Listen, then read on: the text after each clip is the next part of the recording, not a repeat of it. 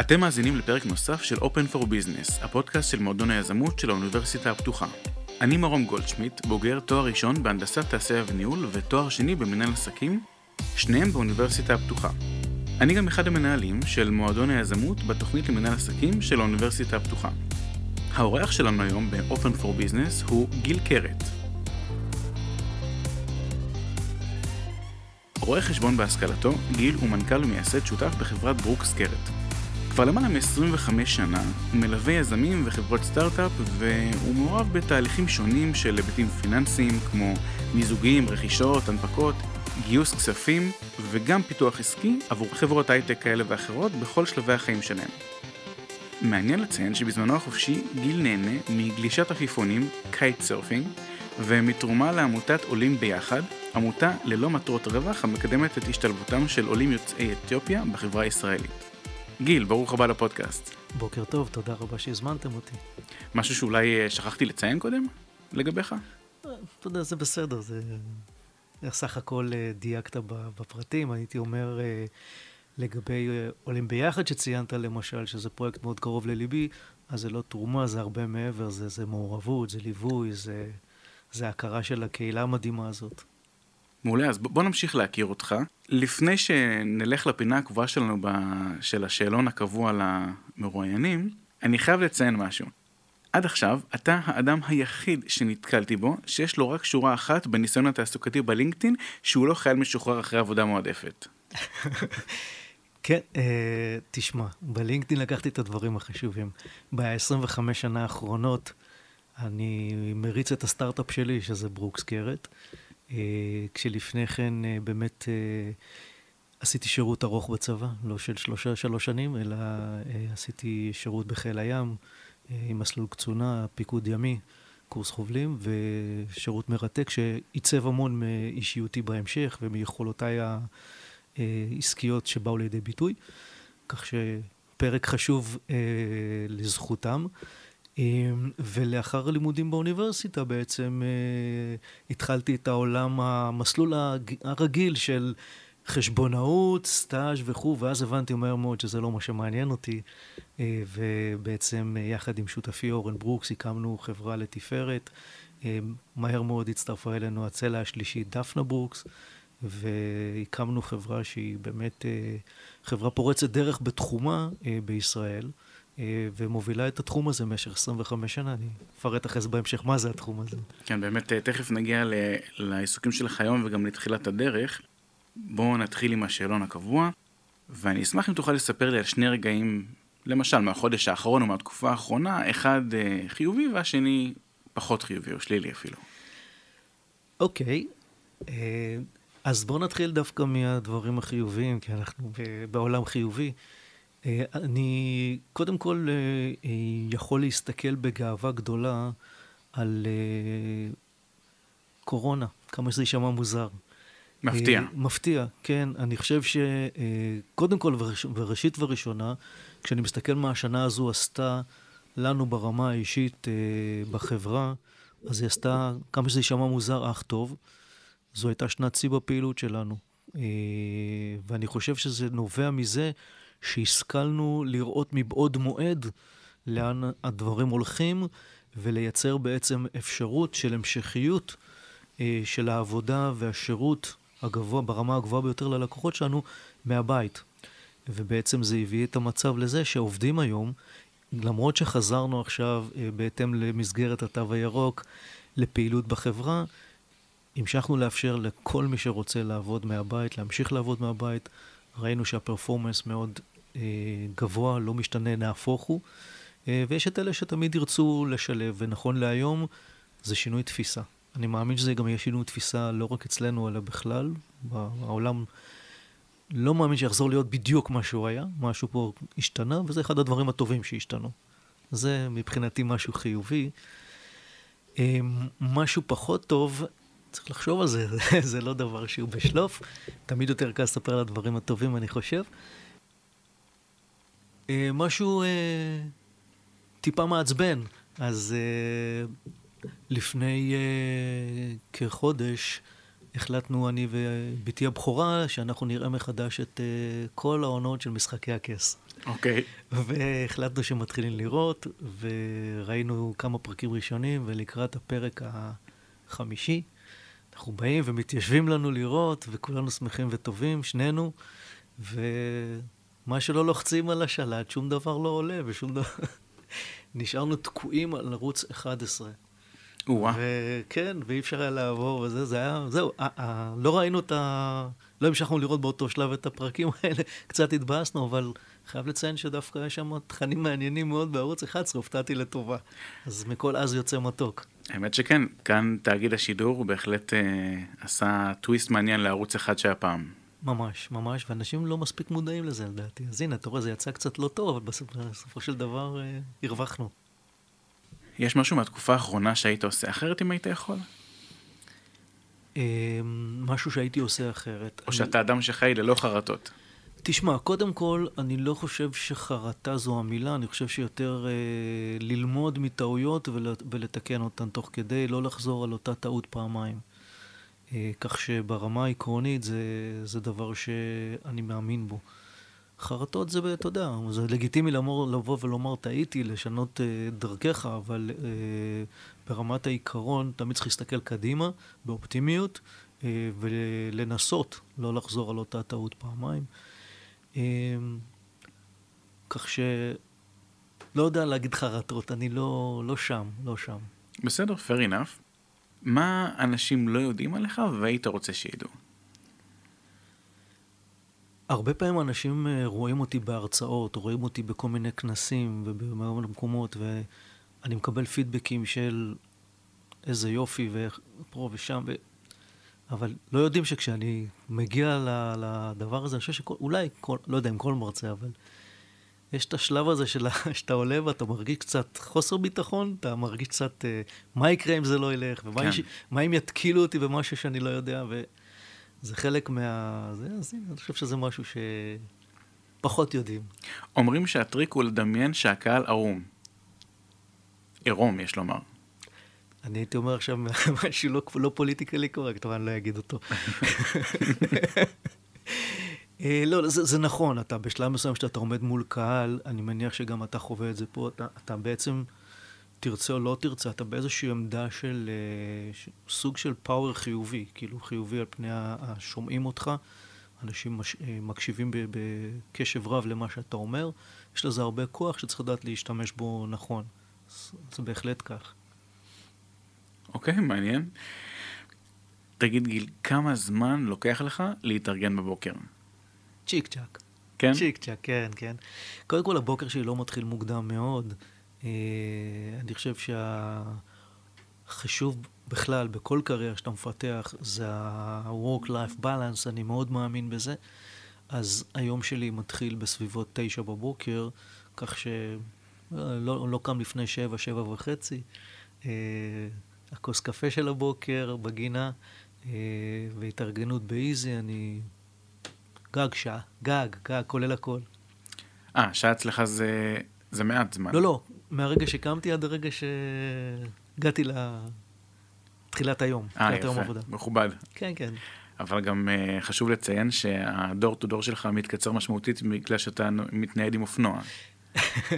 כן, האמת ש... טריק שלא לא סיפרת למאזינים. לא סיפרתי, לא סיפרתי, אני לא, לא מעודד את זה, אתה יודע. אני מגיל, אני מגיל 16 עם המחלה הזו, מחלה חיובית. כן, זה, זה פותר אה, הרבה מאוד אה, בעיות אה, תנועה, תחבורה, חנייה. אני מחשב point to point מהירות חלקי דרך, ו, ובאמת אה, פעילותי שהיא הרבה מאוד מחוץ למשרד, off-site, אני אה, נמצא בין יזמים, בין חברות, בין לקוחות.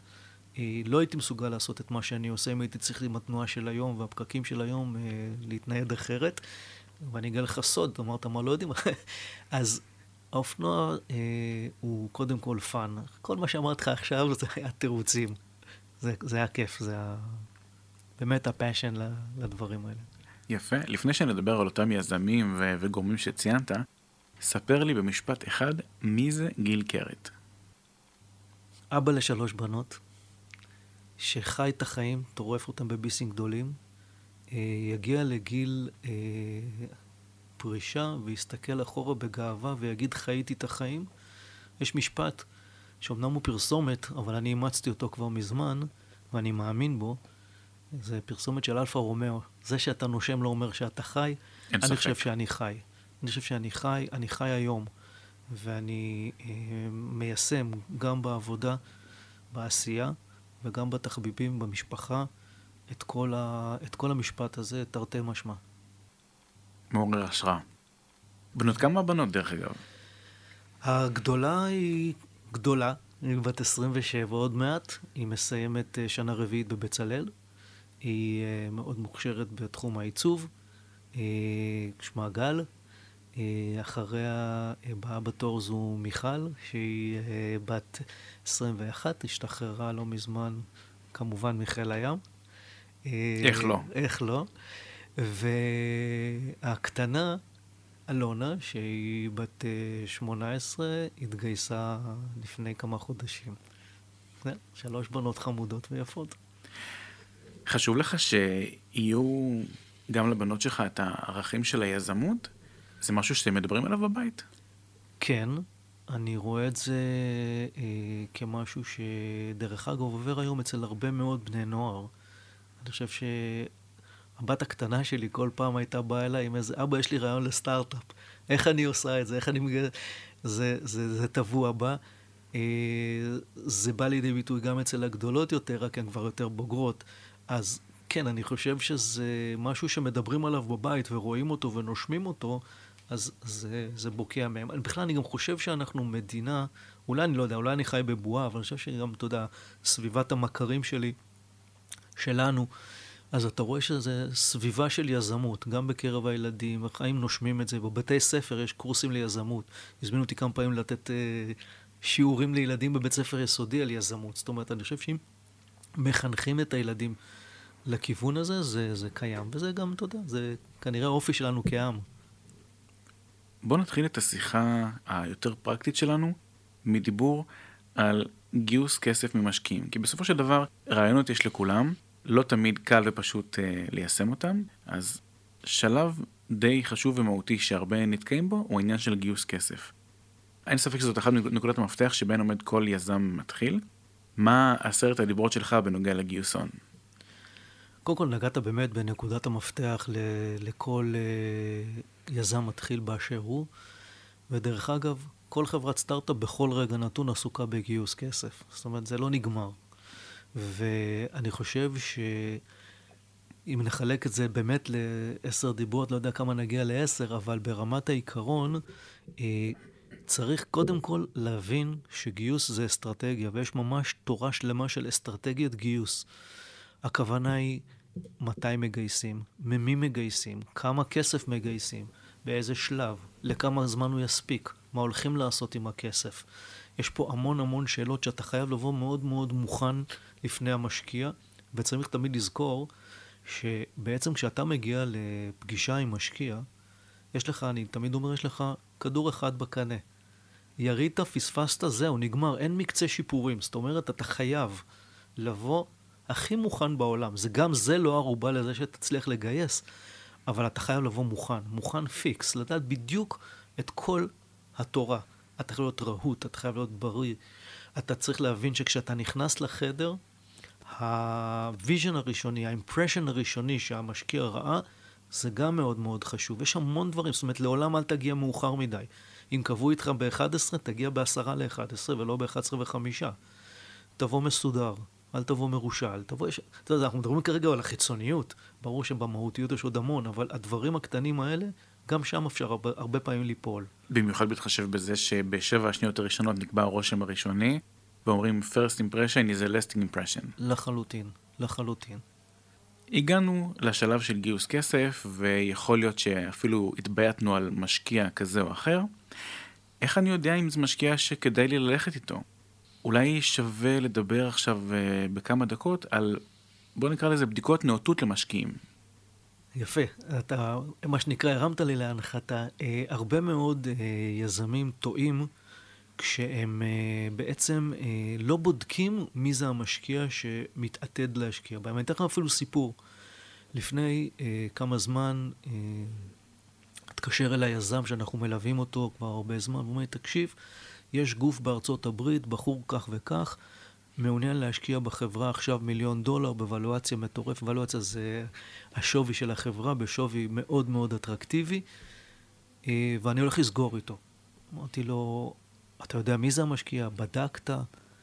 לא, אבל זה תנאים מצוינים והכול. אמרתי לו, חכה שנייה.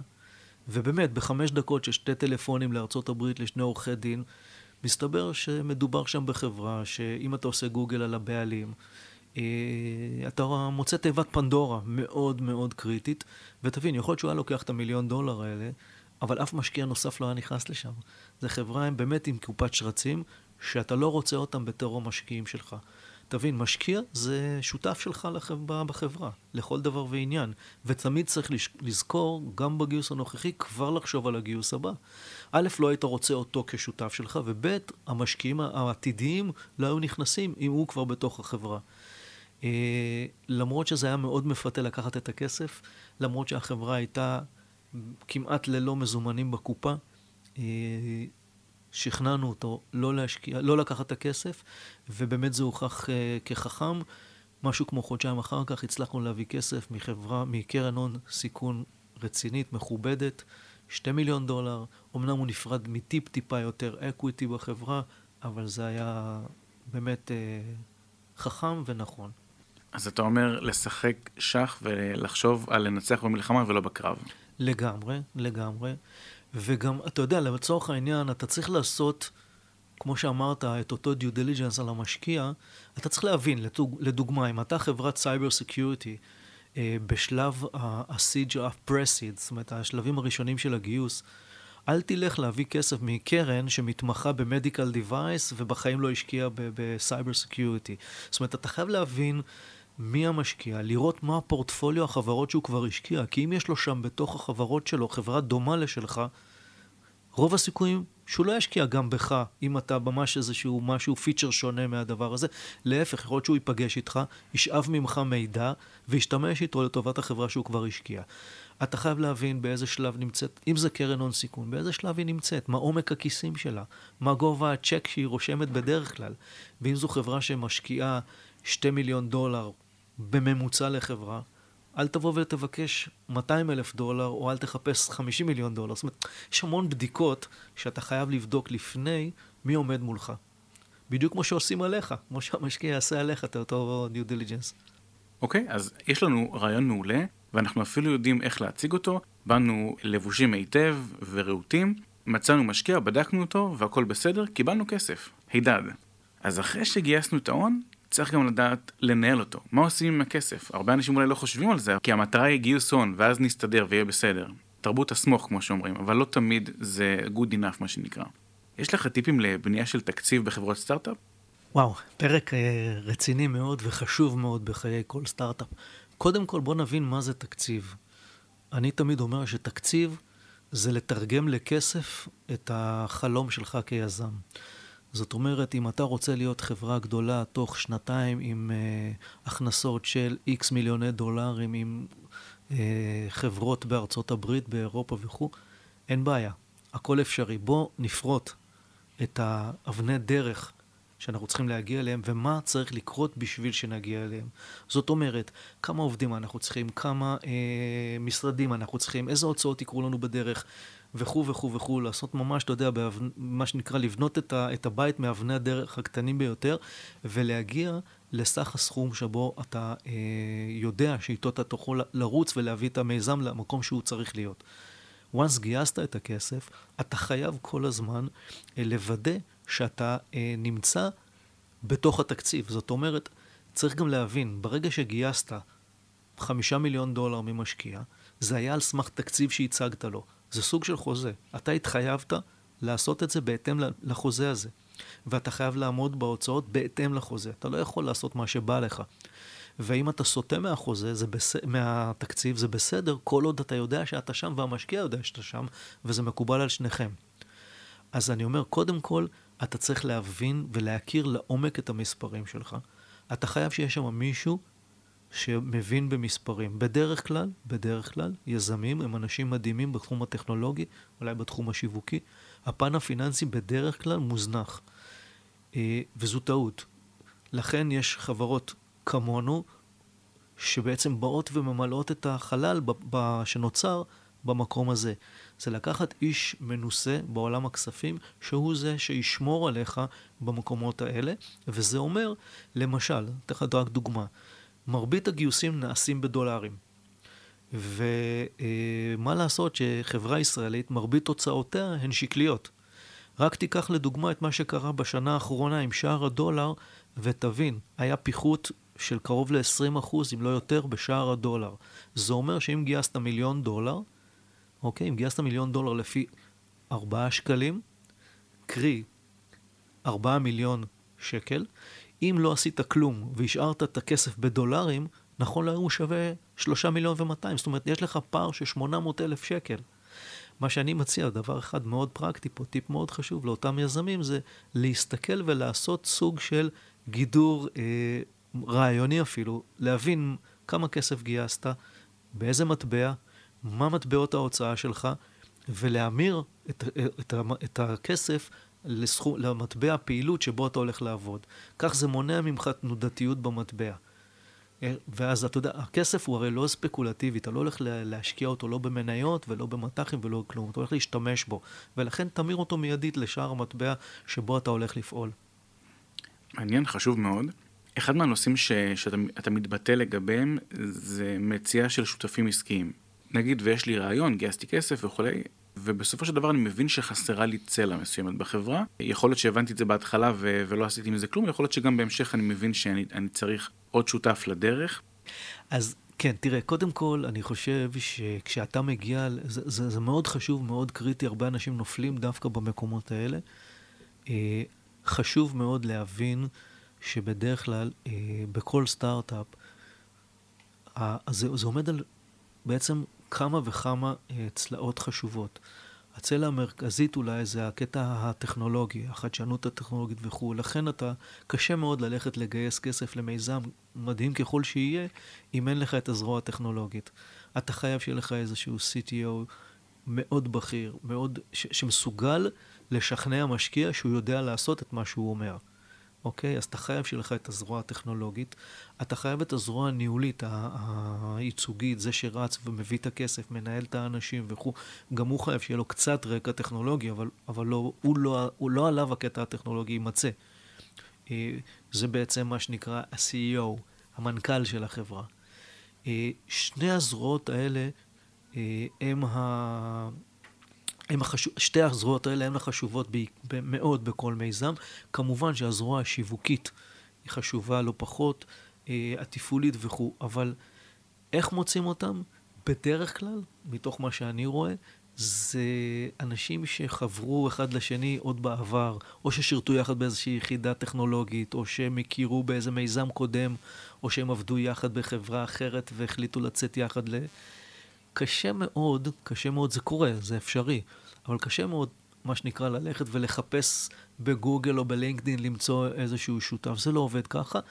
לפעמים זה קורה, ויש יש, uh, מקרים כאלה, זה, זה נדיר. זה נדיר. אבל יכול לתת לך דוגמה. יש לנו איזשהו סטארט-אפ מאוד מרתק, שפיתח טכנולוגיה מאוד מעניינת בתחום של מדיקל uh, דיווייס, והם... Uh, יצאו עם מוצר כל כך מרתק, שמנהל טכנולוגי בכיר בחברה נסחרת גדולה אה, ראה את המוצר, התלהב כל כך שהחליט שהוא עוזב שם ומצטרף אליהם אה, למיזם. גם זה קורה, אבל אל תבנו על זה, זה באמת אחד למיליון. יפה מאוד. אני אקח את הנושא שדיברנו עליו עכשיו, וגם את הנושא שדיברנו עליו קודם, של מציאת הפונקציות המשלימות, ואני אדבר איתך על משהו שנקרא פאנל המומחים. אני מבין שאתה, בוא נקרא לזה, תומך באקוסיסטם המקומי של יזמים על ידי הובלה של מפגש חודשי באותו פאנל. מה שהפאנל הזה עושה, הוא מחבר בין חברות סטארט-אפ ישראליות מכל מיני תחומים למשקיעים ומומחים. בוא תספר לנו בקצרה על זה. כן. אז uh, באמת הפאנל הזה זה איזשהו uh, פרויקט אה, פרובונו שאנחנו מריצים כבר מעל 11 שנה, מדי חודש. אה, תחשוב כמה תשומות זה דורש אה, להרים אירוע כזה. בשנה האחרונה הוא נעשה דרך אגב בזום, אנחנו מקווים מאוד לחזור למשהו פרונטלי בהקדם. הרעיון הוא בעצם לאתר שלוש חברות צעירות, אבל כבר שיש להן משהו להראות, זה לא חברה שבאה בשלב הרעיון. זה חברות שכבר גייסו את הסכום כסף הראשוני, ככה מה שנקרא פרסיד לקראת סיד ראונד. Uh, החברות האלה uh, מקבלות במה, כל חברה לשעה, שזה הרבה מאוד זמן, בפני משהו כמו 20-30 uh, אנשים מאוד בכירים בתעשייה, משקיעים, נציגי קרנות, אנג'לים למיניהם, uh, אנשי שיווק, אנשי טכנולוגיה, אנשי משפט, באמת, מגוון רחב מאוד ומכובד מאוד של אנשים שבאים מרצונם, מזמנם הפנוי. אה, ו... ממש ספינוף של הכרישים, אני שומע. אה, לא, לא, הרבה יותר אה, מו... ש... שונה מהותית, זה הרבה יותר בונה, ולא באים להוריד לאף אחד את, ה... את האגו, להפך, באים פה להעצים ולהרים ולתת הערות בונות. המטרה היא שבעצם המשקיע, היזם, סליחה, יבוא וייתן מצגת משקיעים מלאה, מאלף ועד תף בפני הפורום הזה. ובסיומה הוא יקבל משוב מכל אחד מהנוכחים, מי שיש לו מה לומר, כן?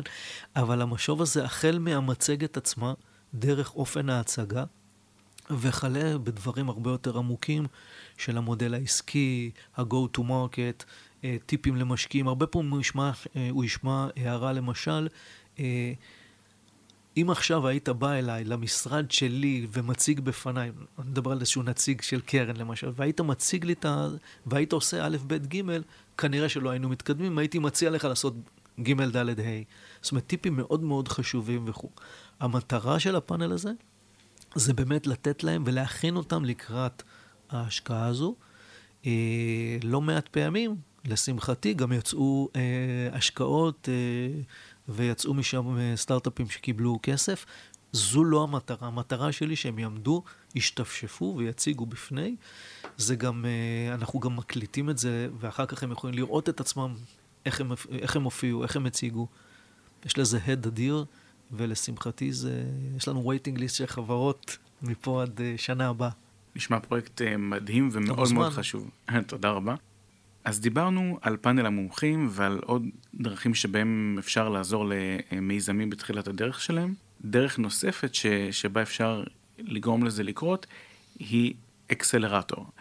אני אשמח אם תוכל להסביר בשתי מילים מה זה אקסלרטור, למה צריך אותו, ואולי גם זה יוביל אותנו לדבר על האקסלרטור של IBM Alpha Zone שאתה מנטור במסגרתו.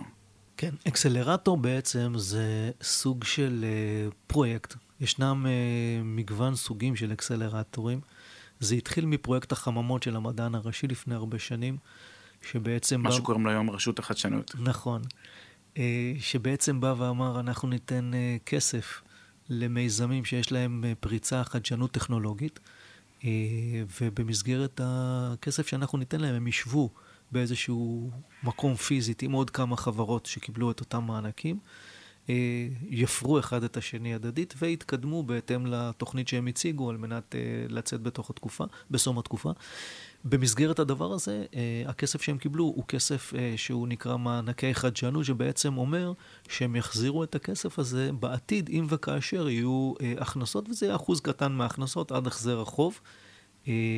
כמובן שזה, אתה יודע, יתרון מאוד גדול, אתה לא, אתה לא נותן שום equity בחברה בשלב הזה. בהמשך הוקמו אותם אקסלרטורים פרטיים, שבעצם מה שהיה, אה, בעצם הפריטו את פרויקט החממות, ובמסגרת הפרויקט הזה בעצם נכנסו כל מיני גופים פיננסיים, קרנות וכו', ובעצם אה, הם אלה שבחנו את החברות, אה, השקיעו בחברות, קיבלו את הכסף מהרשות החדשנות והוסיפו הון עצמי משלהם על מנת להשקיע באותם מיזמים, כך שזה בעצם הפך להיות פרויקט חממות אה, פרטי. אה, לטוב ולרע, פה כבר כן שילמת equity, אה, כן נתת, זאת אומרת, החממות הפכו להיות שותפים שלך בחברה, אה, אבל מצד שני קיבלת פה ערך מוסף מאוד גדול, כי באו פה אנשים מאוד רציניים עם הרבה מאוד ניסיון מעולם ההון סיכון, יכלו לעזור לך להתקדם הלאה. Uh, לפרויקט הזה יש יתרונות, יש חסרונות, אפשר לדבר על זה שעות, אבל, אבל זה בגדול. פרויקט Alpha Zone של IBM uh, זה איזשהו רעיון uh, מדהים שכבר רץ הרבה שנים. Uh, ברוקס גרט uh, שותף uh, פעיל שם מ-day one, uh, ובעצם אנחנו uh, מאתרים uh, משהו כמו עשר חברות מתוך אנחנו מקבלים, כל, כל מחזור אנחנו מקבלים סדר גודל של איזה 200, מעל 200-300 פניות. לאתר 10 זה לא פשוט. אה, ואותן 10 חברות בעצם זוכות לתוכנית של אה, שישה חודשים, שבמסגרתה הם מקבלים אה, ליווי, מנטורינג של אנשים מאוד בכירים ב-IBM, מאיתנו בכל העולם הפיננסי, ומעוד כל מיני שחקנים רלוונטיים. יש הצלחה מאוד יפה לפרויקט הזה, עם תוצאות יפות של חברות שקמו ויצאו והצליחו. אה, מוזמנים להיכנס ל website ולהסתכל, פרויקט מאוד יפה. זה לא עולה כסף לחברות, הן לא נותנות שום equity, שום דבר, הן רק מקבלות, אין פה לתת. זה חלק מאוד חשוב בעניין. וואו, ממש ווין ווין. לחלוטין. ספר בקצרה, מה זה אומר להיות מנטור באקסלרטור? אני יכול להגיד מה זה אומר מבחינתי. אני חושב שלהיות מנכ"ל בחברת סטארט-אפ, להיות יזם, אה, הרבה מאוד אנשים לא מבינים כמה זה להיות בודד בצמרת. ולא תמיד יש לך את האנשים שאתה יכול להתייעץ איתם, אה, בטח לא עם העובדים שלך בתוך הארגון, על כל מיני התלבטויות חשובות ואסטרטגיות שיש לך. לפעמים אתה גם לא רואה אותם, כי מרוב שאתה נמצא בתוך העשייה, אתה גם לא רואה את המקומות האלה, את הבורות האלה. אני חושב שמנטור טוב אה, אמור להיות סוג של חבר צללים כזה של המנכ"ל, שיש לו את האפשרות לשבת איתך, לדבר איתך, להציף בעיות וחששות, להרגיש שהוא יכול להיות פה הכי הוא, בלי שום מחסומים, חסמים, אה, ולהקשיב לך. הוא לא תמיד חייב לקבל את מה שאתה אומר, אבל להקשיב. אה, ואתה אמור להיות זה שמסתכל מלמעלה ומכווין. אתה גם לא אמור לכפות את דעתך, אלא רק לציין ולתת לו את כיווני הדרך שהוא יקבל את ההחלטות שלו לבד. אני חושב שזה מרתק, זה להיות שם במקומות הכי אסטרטגיים, אה, וזה פשוט חוויה. חשוב מאוד, אה, נשמע כאילו זאת לא אופציה בכלל להיות בלי מנטור. לדעתי, לדעתי, כן, זה לא אופציה. ממש לפני סיום, ספר לי בקצרה על טיפ מזוקק שיש לך לתת ליזמיות וליזמים בתחילת הדרך, משהו אולי שלא ציינו היום בפרק. קודם כל, בראש ובראשונה, אני חושב שצריך להגדיל את כמות היזמיות. אני אתחיל מזה. ואני גאה לספר, אפרופו הפאנל שדיברנו קודם, פאנל המומחים, החודש אצלנו הוקדש כולו לשלוש יזמיות מדהימות עם שלוש חברות מטורפות. ואני חושב שהמהפכה תקרה כשאני לא אצטרך לציין את זה. אז זה דבר ראשון. טיפ אה, חשוב מאוד זה לא להיות מאוהב במיזם שלך, ואני אסביר מה אני מתכוון. אתה חייב להתאבד על המיזם שלך, אתה חייב להאמין בו, אתה חייב לדעת שהוא הכי טוב בעולם, אבל כמעט וכל סטארט-אפ שהצליח ועשה את האקזיט הגדול שלו, בשלב כזה או אחר עשה spin בתהליך שלו. זאת אומרת, אם הייתי אה, מאוהב ברעיון ולא מוכן להקשיב ולא מוכן לראות שאם אני טיפה אעשה שינוי כזה ימינה או שמאלה, אני אצליח יותר, שם אני יכול להיכשל. אתה חייב להיות פתוח לשינויים ולהבין שאתה לא תמיד רואה את הכל, וכל דבר הוא פתח לשינויים. זאת אומרת, התחלת, ויכול להיות שאתה מסתער על הגבעה הלא נכונה. אם היית מסתער על הגבעה שמאלה, שם נמצא היעד שלך ושם תצליח. זאת אומרת, לפתח מנגנונים של ביקורת עצמית ומנגנון תנועה של, בוא נקרא לזה סירת מרוץ. לגמרי, לגמרי. דרך אגב, זה בדיוק הרעיון של uh, סטארט-אפ מול קורפרייט, זה בדיוק ההבדל. תמיד אני נותן את הדוגמה שבעצם באתי מחיל הים, אז אנחנו נסיים בעניין הזה. שבעצם גוף כמו IBM זה נושאת מטוסים, ששט עלה במהירות גבוהה, בקורס גדול, אה, קבוע ויציב, ובשביל לשנות אה, עשר מעלות ימינה זה כבר סיפור. וסטארט-אפ זה אותה סירת מרוץ שאתה דיברת עליה עכשיו, שהיא בשנייה אחת מסובבת ומסתובבת 360 מעלות לאן שהיא רוצה במהירות מטורפת. זה בדיוק ההבדל בין קורפורט לסטארט-אפ, אז כן. אחלה, גיל, אז מה, מה היה לנו היום? דיברנו על גיוס כסף ממשקיעים, אה, דיברנו על אה, מה שנקרא עשרת הדיברות שלך בנוגע לגיוס הון. אולי נעשה פרק בהמשך שמדבר אך ורק על זה. דיברנו על בדיקות נאותות למשקיעים, מה צריך לעשות כדי להבין שאנחנו, מה שבמרכאות נכנסים למיטה עם האדם הנכון. כמובן גם אחרי שמגייסים הון צריך לנהל אותו, דיברנו, על, דיברנו בקצרה על בניית תקציב ועל החשיבות של, של תקציב וגם על המציאה של שותפים עסקיים או שותפים לדרך, כמו שאמרנו. ובשתי מילים גם הסברנו למאזינים על אקסלרטורים ועל החלק שלהם בבניין הכוח של חברה. המון המון תודה לך, היה מאוד מעניין ומעשיר. תודה רבה, שמחתי להיות פה, ובאמת אה, בהצלחה לכל היזמויות והיזמים. אחלה, תודה רבה, גיל קרת. תודה. נשמח לשמוע מה חשבתם על הפרק. מה אהבתם יותר, מה פחות, יש פינות שתרצו להוסיף לפרקים הבאים? מרואיינים מעניינים שהייתם רוצים לשמוע את הסיפור שלהם? אנחנו מחכים לכם בקבוצת הפייסבוק שלנו, מועדון היזמות של האוניברסיטה הפתוחה, הקבוצה. לינק לקבוצה נמצא בתיאור הפרק. אתם האזנתם לפרק נוסף של Open for Business. הפרק הוקלט באולפני האוניברסיטה הפתוחה בכפר הירוק. על הסאונד, אורי דגני. תודה, ונשתמע בפרק הבא.